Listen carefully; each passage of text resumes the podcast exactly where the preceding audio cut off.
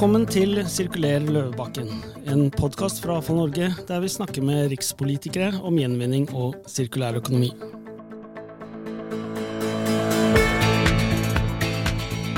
Mitt navn er Kåre Fostervold, og jeg er direktør for samfunnskontakt i AFA Norge. Og gjest i dag er Mathilde Tybring-Gjedde, som er stortingsrepresentant for, fra Høyre. Velkommen til oss i Avfall Norge igjen, Mathilde. Tusen takk. Du var jo gjest hos oss eh, for halvannet år siden, eh, og den gangen så satt jo utdanning- og forskningskomiteen. Og nå er du i energi- og miljøkomiteen. Ja, perfekt bytte. Ja, Åssen har overgangen vært? Du, det har vært en ganske jeg synes, litt brutal overgang. Eh, fordi du tenker at du har vært fire år på Stortinget og begynner å skjønne både feltet greit og hvordan ting fungerer. Og så hopper man inn med strømpriskrise og kraftmarkeddebatt og en del andre typer debatter da, enn det du har vært vant til tidligere. Så, men eh, nå syns jeg det er moro. Ja, det er jo en veldig aktuell komité for øyeblikket. Du nevnte jo strømpriser, vi har jo denne konflikten i Ukraina. Eh, det er mange ting som spiller inn. Altså, jeg tror nok eh, energi- og miljøkomiteen har blitt på en måte den nye nærings- og finanskomiteen. Eh, for det er der du kommer til å ha at du har, og du kommer til å ha de store debattene. Mm. Um, og mange av nesten alt vi diskuterer, berører andre komiteer.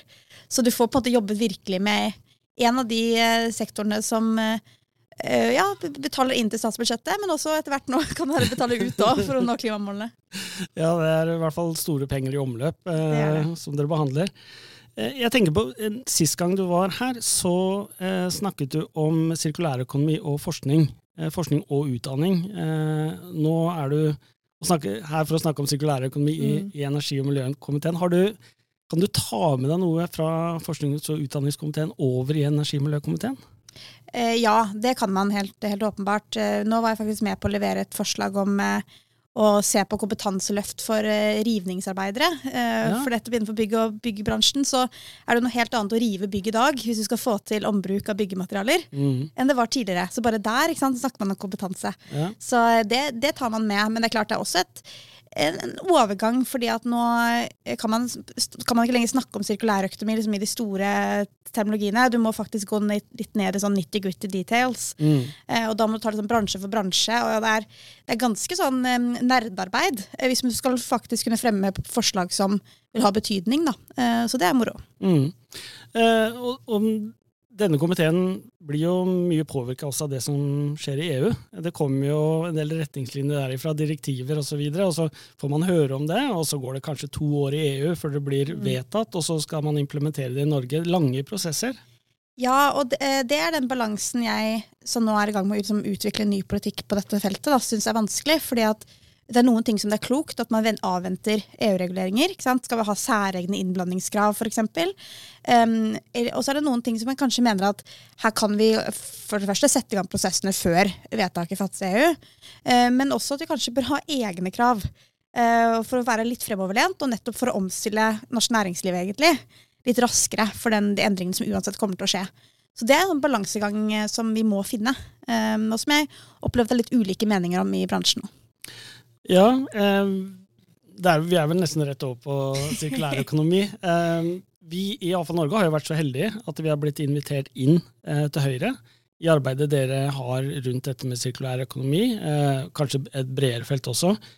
Eh, hvordan kom, kom det arbeidet i stand, Mathilde? Er det, er det du som er eh, initiativtakerne her? Altså, jeg har fått ansvar for eh, natur og klima i fraksjonen. Eh, og eh, naturpolitikk er jo veldig mye, men jeg synes det interessante med sirkulærøkonomi er at det er begge deler. Du har Mm. både et, et annet eh, perspektiv på faktisk få ned miljøfotavtrykket og ta vare på ressursene våre, og ikke ha det overforbruket vi har. I tillegg til at vi vet at EU legger opp til at overgangen til sirkulærøkonomi skal være 50 av kuttene i utslippene de vil ha innen 2050 og 2030. Sånn at det er på en måte en, en sånn spennende kinderegg. Og så opplever jeg, for helt ærlig, at det er et om, politisk område, eh, og dette er selvkritikk for alle partier, tror jeg, som bare ikke har fått den politiske oppmerksomheten den fortjener, eh, og den politikkutviklingen den fortjener. Mm. Det er eh, moro for oss å høre som jobber med det daglig. Eh, I løpet av denne konferansen, dere hadde vel to innspillsdager, hele dager, tror jeg. Eh, fikk dere noen sånn eh, aha-opplevelse eller noen sånn kjempegode ideer som du husker spesielt godt? Ja, altså Det var jo innspill fra veldig mange ulike aktører og bransjer. Um, så, men jeg det var noen perspektiver som kanskje er litt nye for meg. Det ene var hvor viktig standardisering er, altså internasjonale standarder. Eh, og det er litt sånn, igjen, vi er tilbake på litt sånn nerdeelementet. Men, men, det var eh, litt sånn øyeåpner på hvor, hvor, avgjørende det er for å kunne drive med miljømerking, og for å eh, ikke minst eh, få designe produktprosessene eh, til å være bedre med mindre miljø, eller lavere miljøavtrykk. Og så eh, syns jeg det var interessant å høre de som er mer på hvordan skal man få materialbanker, eh, samarbeid, faktisk kunne ha data, produktdata, eh, slik at det er mulig å eh, ja, nettopp få eh, ta noe som egentlig er avfall, og, og, få til gjenbruk eller gjenvinningsprosesser. Mm. Så og det er igjen, vi er liksom, dette er uh, nitty gritty, men det er jo det som er avgjørende. Og så er det jo den, den mer sånn opplevelsen når du møter aktører, det er Jernia blant annet, som var innom, som prøver å lage en kolleksjon med bærekraftig, 100% bærekraftige kjeder. Og så opplever de bare at det er sant, mangel på f.eks. resirkulert papp da, i markedet. Så mm. bare et mark mangel på marked for resirkulerte materialer som hindrer aktører som faktisk prøver å legge litt om på forretningsmodellen. Mm. Ja, og det, det, kan vi vel sikkert også oppleve i, i, fremtiden, for det er jo gjerne småskala, og, og derav disse databankene, statistikker mm. statistikker osv. Hvordan kan man få volum, hvordan kan man få lønnsomhet i det? At det ikke bare er en intensjon om bærekraft, men at det faktisk blir en omsetning. Vi ble også eh, ganske overrasket i Avfall Norge når vi fikk en invitasjon fra Oslo Høyre om eh, mye av det samme. Eh, du er jo også medlem i Oslo Høyre, så skal ikke jeg insinuere noe, men, men det tyder jo på at det, det er jo en, en, forankring fra stortingsgruppa også ut i partiet. Dette er ikke bare stortingspolitikk, men det er også lokalpolitikk. Ja, og det er jo et av målene med arbeidet mitt òg, at, det kan være, at vi kan utvikle politikk som våre lokalpolitikere kan foreslå lokalt, eh, og også nå inn mot eh, kommunevalget. At man mm. har liksom en pakke for sirkulære kommuner. Da. Um, og jeg opplever igjen at her er det så stor forskjell mellom kommunene på hvorvidt man har den tankegangen overhodet. Én ting er i anskaffelsesprosess osv., men eh, generelt bare liksom spennet av alt du må se på. Mm. Um, og fra før så har kommunene har liksom en viss kompetanse på avfallshåndtering, for det har vært et kommunalt ansvar lenge. Mm. Men å tenke sirkulært, um, og tenke avfall som en ressurs, um, og som en vare, liksom med kommersielt perspektiv, det har ikke kommunene, mange kommuner uh, gjort så veldig mye med, vil jeg tørre å si. Her er det igjen forskjeller, men det er, en, det er et potensial her som er veldig stort. Mm. Da må vi innom denne nasjonale strategien for sirkulærøkonomi som dere i regjering da, eh, fremma i fjor. Eh, den hadde jo en del målsetninger, og den hadde jo også vist til en del tiltak som vil komme. Eh, fordi at dette området er jo egentlig veldig omfatta av det EU-arbeidet mm. som skjer rundt Green Deal osv. Vil, vil Høyre jobbe nå for å, å, konkretisere dette mer i en handlingsplan? Er det, er det det arbeidet vi ser starten på? Ja, det vil, jeg, det vil, jeg, kanskje si. Eh, det er klart, eh, Jeg syns det er mye bra i strategien. Noen av de store grepene i strategien er jo et større arbeid. Gjennomgå produsentansvarsordninger. Mm. Stort arbeid. Gjennomgå skatte- og avgiftssystemer i helhet. Fordi man fikk så veldig mange ulike forslag på ulike avgifter på, på resirkulert plast skulle liksom få avgiftsfritak, og så sekundære råmaterialer skulle, skulle få avgiftsfritak. tak og, det, og, da begynner man heller å ta en større gjennomgang, og det er jo et langt mer større, langvarig arbeid. Mm. Um, men så er det veldig mye jeg mener at man kan konkretisere allerede, og særlig fordi det har kommet mye fra EU. Um, og det går jo på, altså direkte på alle materialinnvinningskravene og mye som gjenstår der, bare for å mm. nå EU-målene eller EU-kravene. Og så er det jo tekstilbransjen, vare- og tjenestehandelen, du har uh, bygg- og anleggsbransjen, ikke minst. Uh, hvor, det, hvor, det, gjenstår en del ting som kan konkretiseres. Mm. Uh, og vi har opplevd at bransjen selv på mange områder ønsker at det tas, tas grep. For Høyre så er det fortsatt kanskje et mål om at Norge skal være et foregangsland innen sirkulær økonomi. Absolutt. Det høres sånn ut. Eh, men hvordan blir arbeidet nå, eh, Mathilde, i opposisjon? Eh, så jobber dere jo selvfølgelig kontinuerlig videre. Dere jobber med rådgiverne. Dere har jo regjeringserfaring, mange mm. mennesker der som har vært borti området. Men hvordan tenker man å gå fram for å samle et flertall på Stortinget bak hvert fall en del av de forslagene dere kommer til å legge fram til slutt? Jeg kan jo bare først si at Regjeringserfaring er ikke alltid en fordel for oss som ønsker å uh, utvikle nytt. Du møter på en måte, Vi har jo en, en partileder i Erna Solberg som husker alt som har blitt foreslått og nesten vedtatt ja. på Stortinget siden uh, 1989. Uh, men, nei, men, nei, altså vi Jeg opplever jo at det er, at det er interesse eh, for sirkulærøkonomi i komiteen. Det er det helt sikkert. Um, og jeg tror også statsråden har interesse for dette. Men så er spørsmålet hvordan skal vi da pushe frem for flertall. Og her tror jeg for Høyres del så vil det være å samarbeide på tvers av det som har vært tradisjonelle skillelinjer. ikke sant? Mm. Um, nå har jeg akkurat fremmet forslag om tekst, på tekstilnæringen. og der vet jeg jo at vi har uh, mye vi kan bli enige med SV om, f.eks. Så jeg håper jo at det er gjensidig interesse for det. Mm. Um, og så tror jeg at uh, tror jeg det egentlig bare handler om ingen som har lyst til å være bakpå her. Så, så på det politiske presset sånn sett er jo ganske bra. Mm. Det er et veldig fint utgangspunkt. Eh, men det handler om prioriteringer, og jeg tror nok nå så blir eh, kampen om prioriteringene på dette feltet vanskeligere, fordi Miljødirektoratet opplever vel at vi får en tsunami mm. av eh, liksom, ny politikk fra EU. Eh, og hva skal da konkurrere med å få oppmerksomhet først? Um, så sånn sett så bør jo sirkulær, de som er opptatt av å få overgang til sirkulærøkonomi, eh, prøve å få flere partnere i oss som sitter på Stortinget. Mm. Um, jeg har jo også erfaring fra Stortinget, og noen ganger så slår det meg at eh, når eh, opposisjonen, som er i flertall på Stortinget nå, eh, fremmer forslag, så blir det veldig tungt og vanskelig for regjeringen. ja. Og jeg vet ikke om det har noe med regjeringen å gjøre, uansett regjering, eller om det har noe med departementet eller underliggende etater som sier at dette må vi utrede mm. på egen hånd. Er du redd for at forslagene dine skal møte motstand med den årsak? Altså, ja, det her er eh, litt sånn, Jeg kommer rett fra regjering selv, så det er klart Det alltid finnes alltid grunner for å ikke gjøre noe. Og så ofte så kan, det, kan det være så ærlig å si at det kan jo være forslag fra Stortinget av og til er litt sånn irritasjonsmoment for en, for en, regjering og en statsråd. For de har jo sine egne prosesser og sine egne tanker. Mm. Og kanskje det er forslag de selv ønsker å fremme. Så det vil alltid være et element av det. Um, men jeg, altså jeg, eh, jeg, jeg, er spent på å se. Det kommer an på statsrådens gjennomslagskraft i eget departement. Mm. Eh, det er veldig lett å la seg bli slukt av embetsverket. Men det er liksom den der, klare den politiske gefeelingen å si sånn, men her, dette kan man gjøre. Dette, altså her eh, må jeg bare ta foten litt ned for det som egentlig blir litt mer byråkratiske innvendinger. Mm. Du var jo innom uh, Mathilde, at uh, dere har jo fremma et uh, tekstilforslag. Mm. Altså, vi kaller det tekstilforslag. Jeg tror kanskje for lytterne som må forklare litt nærmere hva det er for noe.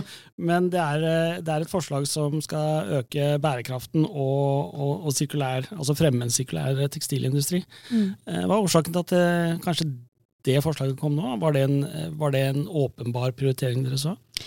Ja, altså, det var jo eh, en debatt som begynte å rulle eh, i samfunnet også. Eh, mm. Så jeg fant det naturlig å by, ta denne næringen nå med et eget og godt forslag, og så følger vi opp med politikkutvikling etter hvert nå. Mm. Um, og det er vel egentlig fordi at jeg opplever at eh, tekstilindustrien, klesindustrien Uh, og dette er kanskje brannfakkel, men jeg opplevde det kommet mye kortere uh, mm. i gang med en, sånn, en slik sånn grønn omstilling, en sirkulær omstilling, mm. um, enn det en rekke andre næringer har gjort. Og det skyldes jo bl.a. at her øker vi CO2-avgiften kraftig. Veldig mange næringer ser at de må omstille seg og kutte utslipp i sin, i sin verdikjede. Mens eh, tekstilnæringen har liksom egentlig, og ut fra målene deres egne uttalte mål, så ser det ut til at de tenker de skal fortsette med egentlig import av veldig høye, store volum med klær. Mm. Uten å egentlig ha noe ansvar eller ha noe på regninga for avfallshåndtering. Eh, og det var, liksom styrk, ja, det var ikke noe jeg eh, kunne støtte meg til. um, og jeg opplevde at det var en del liksom, Man prøvde å møte det med liksom grønnvasking. Liksom, her har vi en bærekraftig kolleksjon, en av 100 kolleksjoner. Mm. Eh, og det er ikke tilstrekkelig heller. Så det, det, det trengs en større omveltning av tekstilnæringen. Eh, og så er det noen forslag vi har fremmet nå, men det kom jo en strategi fra EU i mars. Eh, som igjen er viktig for oss, for vi produserer jo lite tekstiler selv, men vi mm. importerer jo mye. Så det er samspillet mellom hva vi kan gjøre her og EUs regelverk som blir interessant. Ja, det, og det er vel kanskje ikke det smarteste av en bransje å kalle noe fast fashion heller, når, eh, når man har engasjerte politikere innenfor miljø og klima. Jeg tror det er en dårlig, jeg har jo kalt sagt at det er mye grønnvasking i bransjen, og jeg tror noen kanskje er litt snurt av det, men det, det tåler jeg greit. Jeg tror, jeg, tror, veldig mange i bransjen selv forstår at uh, deres tur også er kommet. da.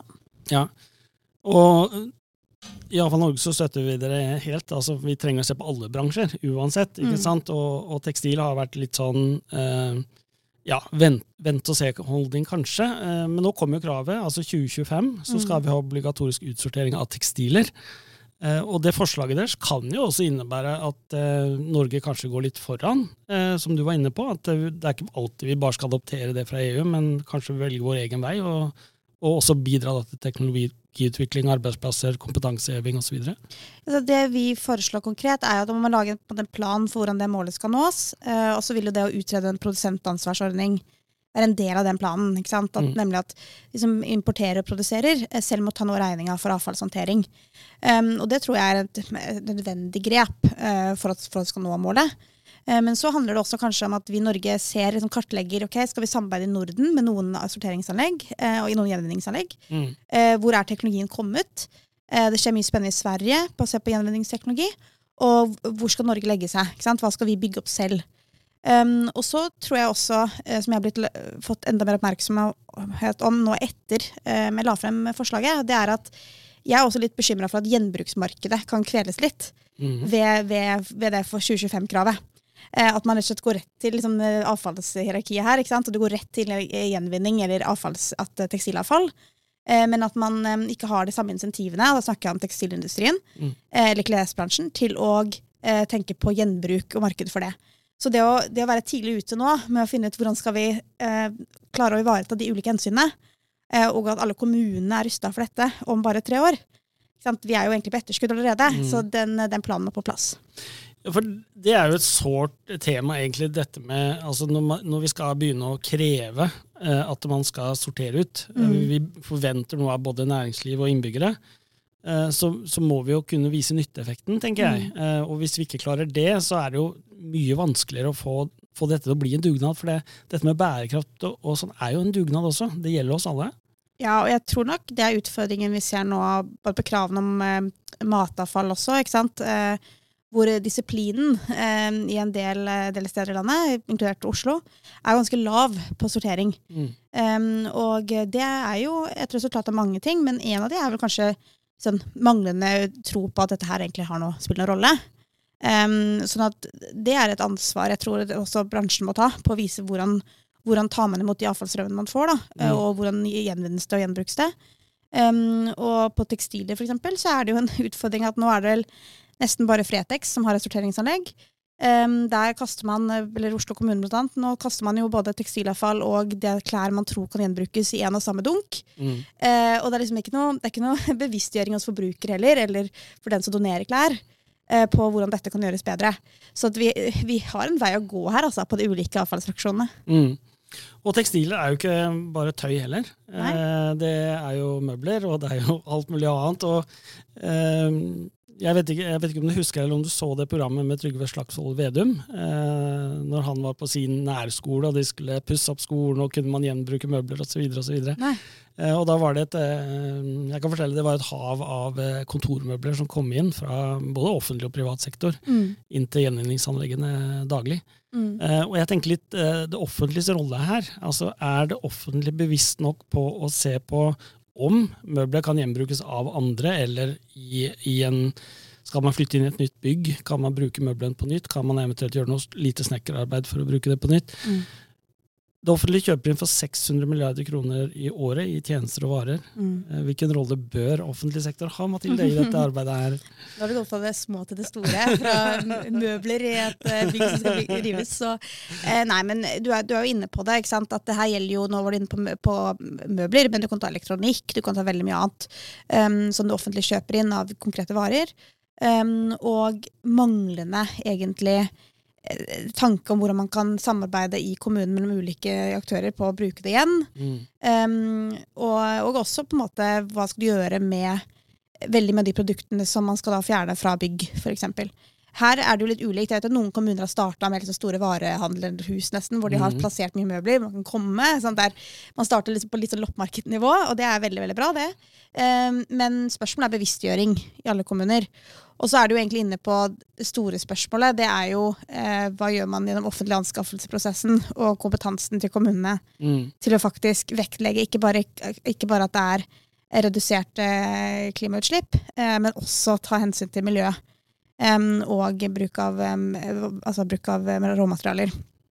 Og der, den, der, har vi en ganske stort gap. Vi har kommet lenger som sagt, på klimapolitikken og på Eh, det offentlighets ansvarliggjøring. Ehm, men på tanken om sirkularitet, der der vi, henger vi etter. Mm. Ehm, så der er det mye som må gjøres. Ja, da, da eh, bare husker jeg det at i dette tekstilforslaget deres, Mhm. så, så fremmer det også et forslag om en type miljømerking. Ja. Eh, og det er jo for at forbruker skal kunne ha en valgfrihet. da. Altså hvor lenge varer dette produktet, hvordan er det produsert osv. Um, Ambisiøst, men kan helt sikkert gjennomføres. Eh, men kan det være også aktuelt for andre områder?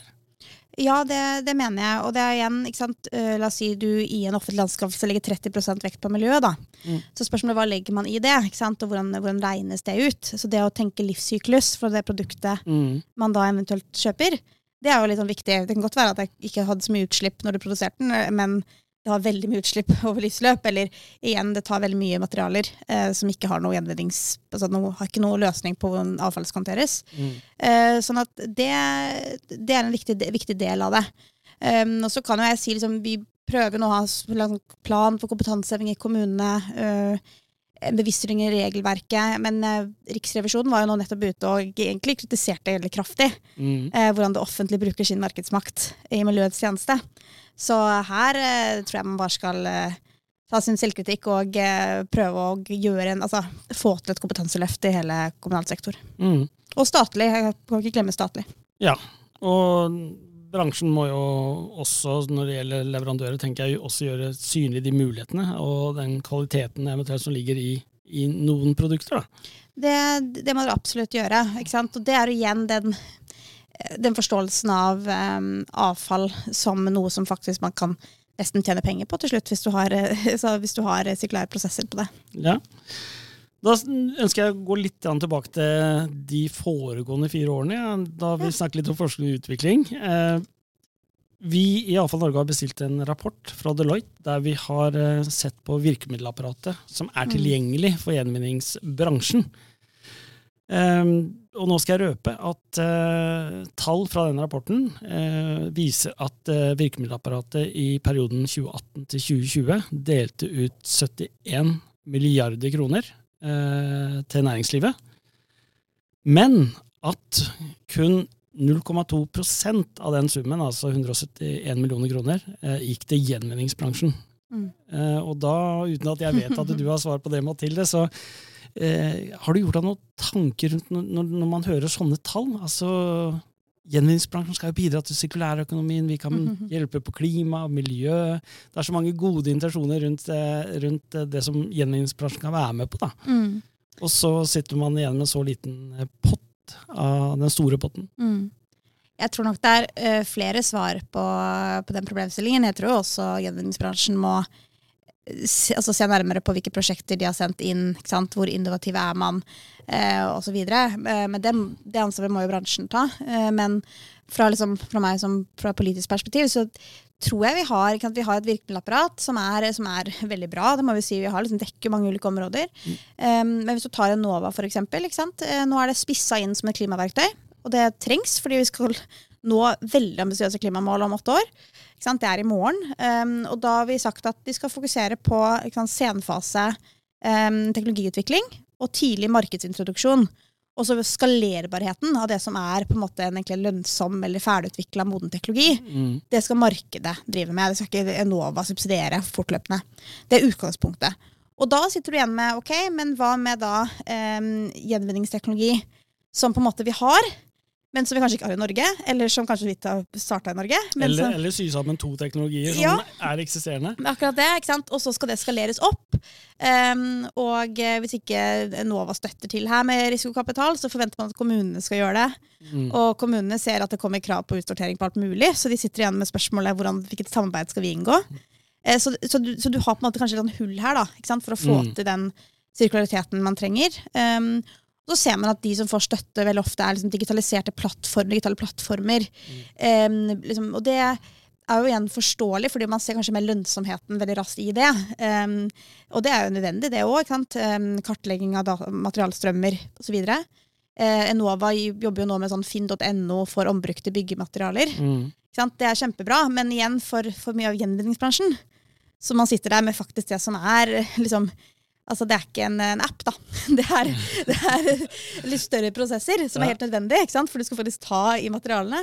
Um, så skjønner jeg at det, at det oppleves kanskje som at vi ikke, at vi ikke har et virkemiddelapparat som treffer. Mm. Vi kommer helt til, sikkert til å diskutere det mye mye mer når vi legger fram rapporten 4. eller 5. april. Og da skal vi invitere inn både politikere og andre til å snakke litt om det.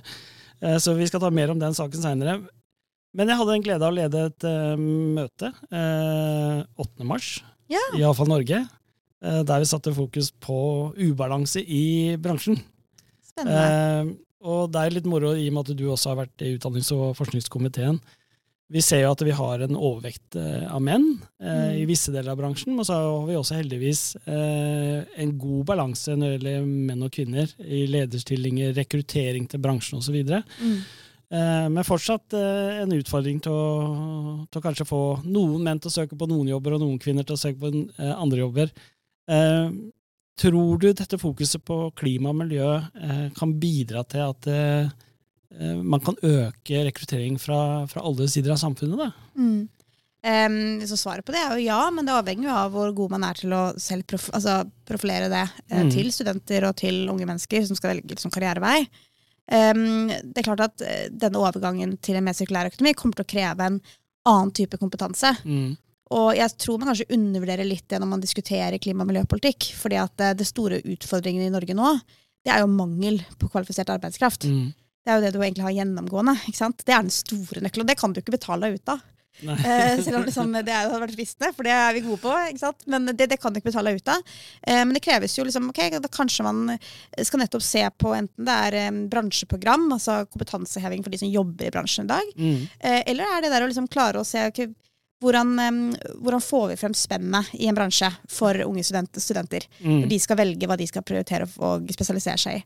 Og jeg har veldig troen på liksom, miljø, bærekraft. Altså det, det, er ikke bare snakk om for kvinner, egentlig. Jeg tror bare det er et, et, et avgjørende element for veldig mange unge. Mm. Hvis når de skal velge karrierevei. Eh, at det er, et, at det er en bærekraftig forretningsmodell eller verdikjede å går inn i. Mm. Um, så jeg har veldig troen på at gjenvinningsbransjen og avfallsbransjen helt åpenbart uh, kommer til å kunne nå ut til uh, også flere kvinner ved å vektlegge hva man bruker avfallet til. Mm. Um, og um, jeg tror også sant, det er En ting er miljø og bærekraft i Norge, men mye av det som er spennende med sirkulærøkonomien, er at dette handler om også globale verdikjeder, som er ganske avgjørende for å for å egentlig bekjempe egentlig fattigdom og unngå klimaendringer og miljøendringer du ser særlig påvirker fattige land. Mm. Um, så hvis du klarer å få ned miljøfotavtrykket for det du produserer, uh, så er jo det Jeg tror det kan være trenger ikke være, trenger, trenger for så vidt ikke være idealist for å være opptatt av det, men du kan også være idealist ja. for å ha lyst til å jobbe i bransjen.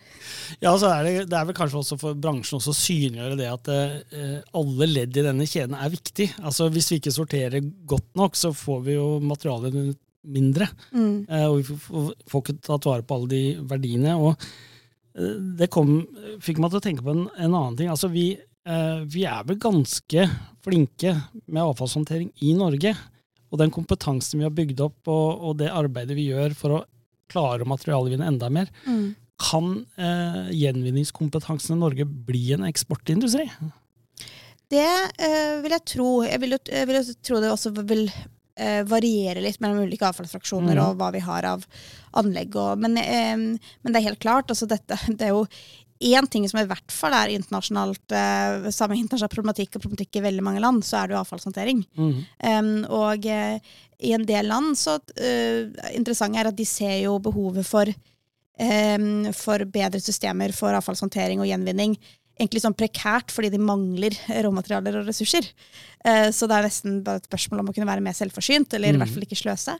Um, og der, jo, der, kan jo Norge bidra både liksom, gjennom, ved bistand, men også da gjennom å ha markedsmodeller som fungerer. Mm. Um, så jeg har veldig, veldig troen på det. Ja. Kan jeg bare legge til en ting? da? Det er også litt sånn interessant de som nå kanskje er litt særlig interessert i sikkerhetspolitikk. Eh, ikke sant? Og det vil jeg tro, da. Interessen har økt litt. Eh, dette appellerer også til menn. men, men, det er klart, eh, det, det, å se um, sirkulærøkonomien og sirkulære verdikjeder som en del av sikkerhetspolitikken i Europa, mm. eh, for å være mindre avhengig av kritiske rå, råmaterialer fra Kina og en del andre land vi vet kommer til å ha veldig mye global makt fremover. Og kanskje ikke har den samme energi- og miljøpolitikken som oss. Kanskje ikke har det. ikke sant? Eh, det kommer til å være viktig, og jeg tror det vil påvirke mye av ta fornybarnæringen, da, de som ønsker å jobbe for solkraft i Norge, det er solenergi um, i Europa. Det er også veldig for, men der er Kina dominerer med egentlig alt som er råmaterialer inn mot den, i den verdikjeden. Mm. Eh, så de burde også være opptatt av sirkulær sirkularitet. Nettopp fordi at Europa skal kunne være litt mer selvforsynt med det som er kritiske råvarer. Mm. Og det har vi jo sett de siste dagene, at Europa begynner å fokusere mer på hva kan vi sammen gjøre for å være litt mer uavhengig. Mm. Jeg er helt sikker på, Mathilde, jeg kunne sitte her og prate med deg en time til. Det er så interessant, og jeg vet at du er veldig engasjert på det feltet som, som vi jobber på. Eh, men eh, er det noe du gjerne ville sagt i dag, eh, så får det heller komme igjen en, en annen gang, men som vi ikke har vært innom, så du tenker er viktig der vi står nå? Altså ja, jeg kan jo legge til at jeg tror vi må selvfølgelig gjøre politiske endringer for å få et marked for sekundære råmaterialer Forbrukerne må få mer eh, kunnskap og mer bedre rettigheter. ikke sant? Å vite miljøkonsekvensene av alt de kjøper og etterspør. Mm. Men jeg tror mye av dette her handler om bedrifter som må begynne bare å se liksom bare kartlegge hele verdikjeden sin og så begynne å samarbeide på tvers. Mm. Så Vi krever en helt annen sort åpenhet. ikke sant? Hvis du skal kunne klare å få tak i de eh, avfallsstoffene du trenger, eller bare liksom for å kunne få materialbanker. Så vi må bruke liksom den tillitsbaserte kulturen i Norge mm. eh, veldig veldig mye i årene framover. Ja. Om vi skal lykkes med, med dette. Så bedriftene må rett og slett være gode til å se, til å se, se på liksom naturrisiko, egentlig, i veldig mye av den verdikjeden sin. Eh, og da tror jeg taksonomien og veldig mye gjør at de mange små og store kommer til å må, må gjøre det i årene fremover. Men det handler jo egentlig om at du trenger ikke være idealist, men bare du er opptatt av å være konkurransedyktig om seks-syv år. Mm. Eh, og du, du, er ikke det hvis du fortsatt bruker jomfruelig gips for eksempel, i mye av det du produserer eller bygger. Mm. Bare for å ta ett eksempel. Ja, så er det jo, Sånn som jeg har opplevd bransjen, så er det jo sånn at eh, bransjen er veldig flink til å omstille seg hvis man får noen dedikerte mål og noen planer fra de myndighetene også. For det, det handler veldig ofte om noen nye investeringer, ansettelser, altså ting der man må ta et ganske stort ansvar. Og forutsigbarhet, da tror jeg Det er ikke bare gjenvinningsbransjen, men hele næringslivet. Ja, alltid og hele næringslivet jeg tenkte på nå. Det er liksom, vi glemmer, må bare huske at Norge består av små og mellomstore bedrifter. Mm de store aktørene som har, liksom, kan etterspørre nesten gjennom hele verdikjeden sin ikke sant? at ting skal omstilles, de har jo makt, makt, til å gjøre det ganske raskt. Mm. Mens de små aktørene det er de som trenger å klare, klare å skape samarbeid på tvers. Mm. Da vil jeg bare til slutt, ja, Mathilde, takke deg for at du deler med det, din kunnskap med oss, og det engasjementet du har, og noen spennende nye tanker som jeg håper noen tar tak i, om, om ikke bransjen, så politikerne. Mm. Takk for at du kom til Avfall Norges eh, podkast. Ehm, da vil jeg takke til slutt alle som har hørt på. Takk til vår produsent eh, Håkon Dateland Ønsker dere alle sammen en fin dag videre. Takk skal du ha, Mathilde. Tusen takk.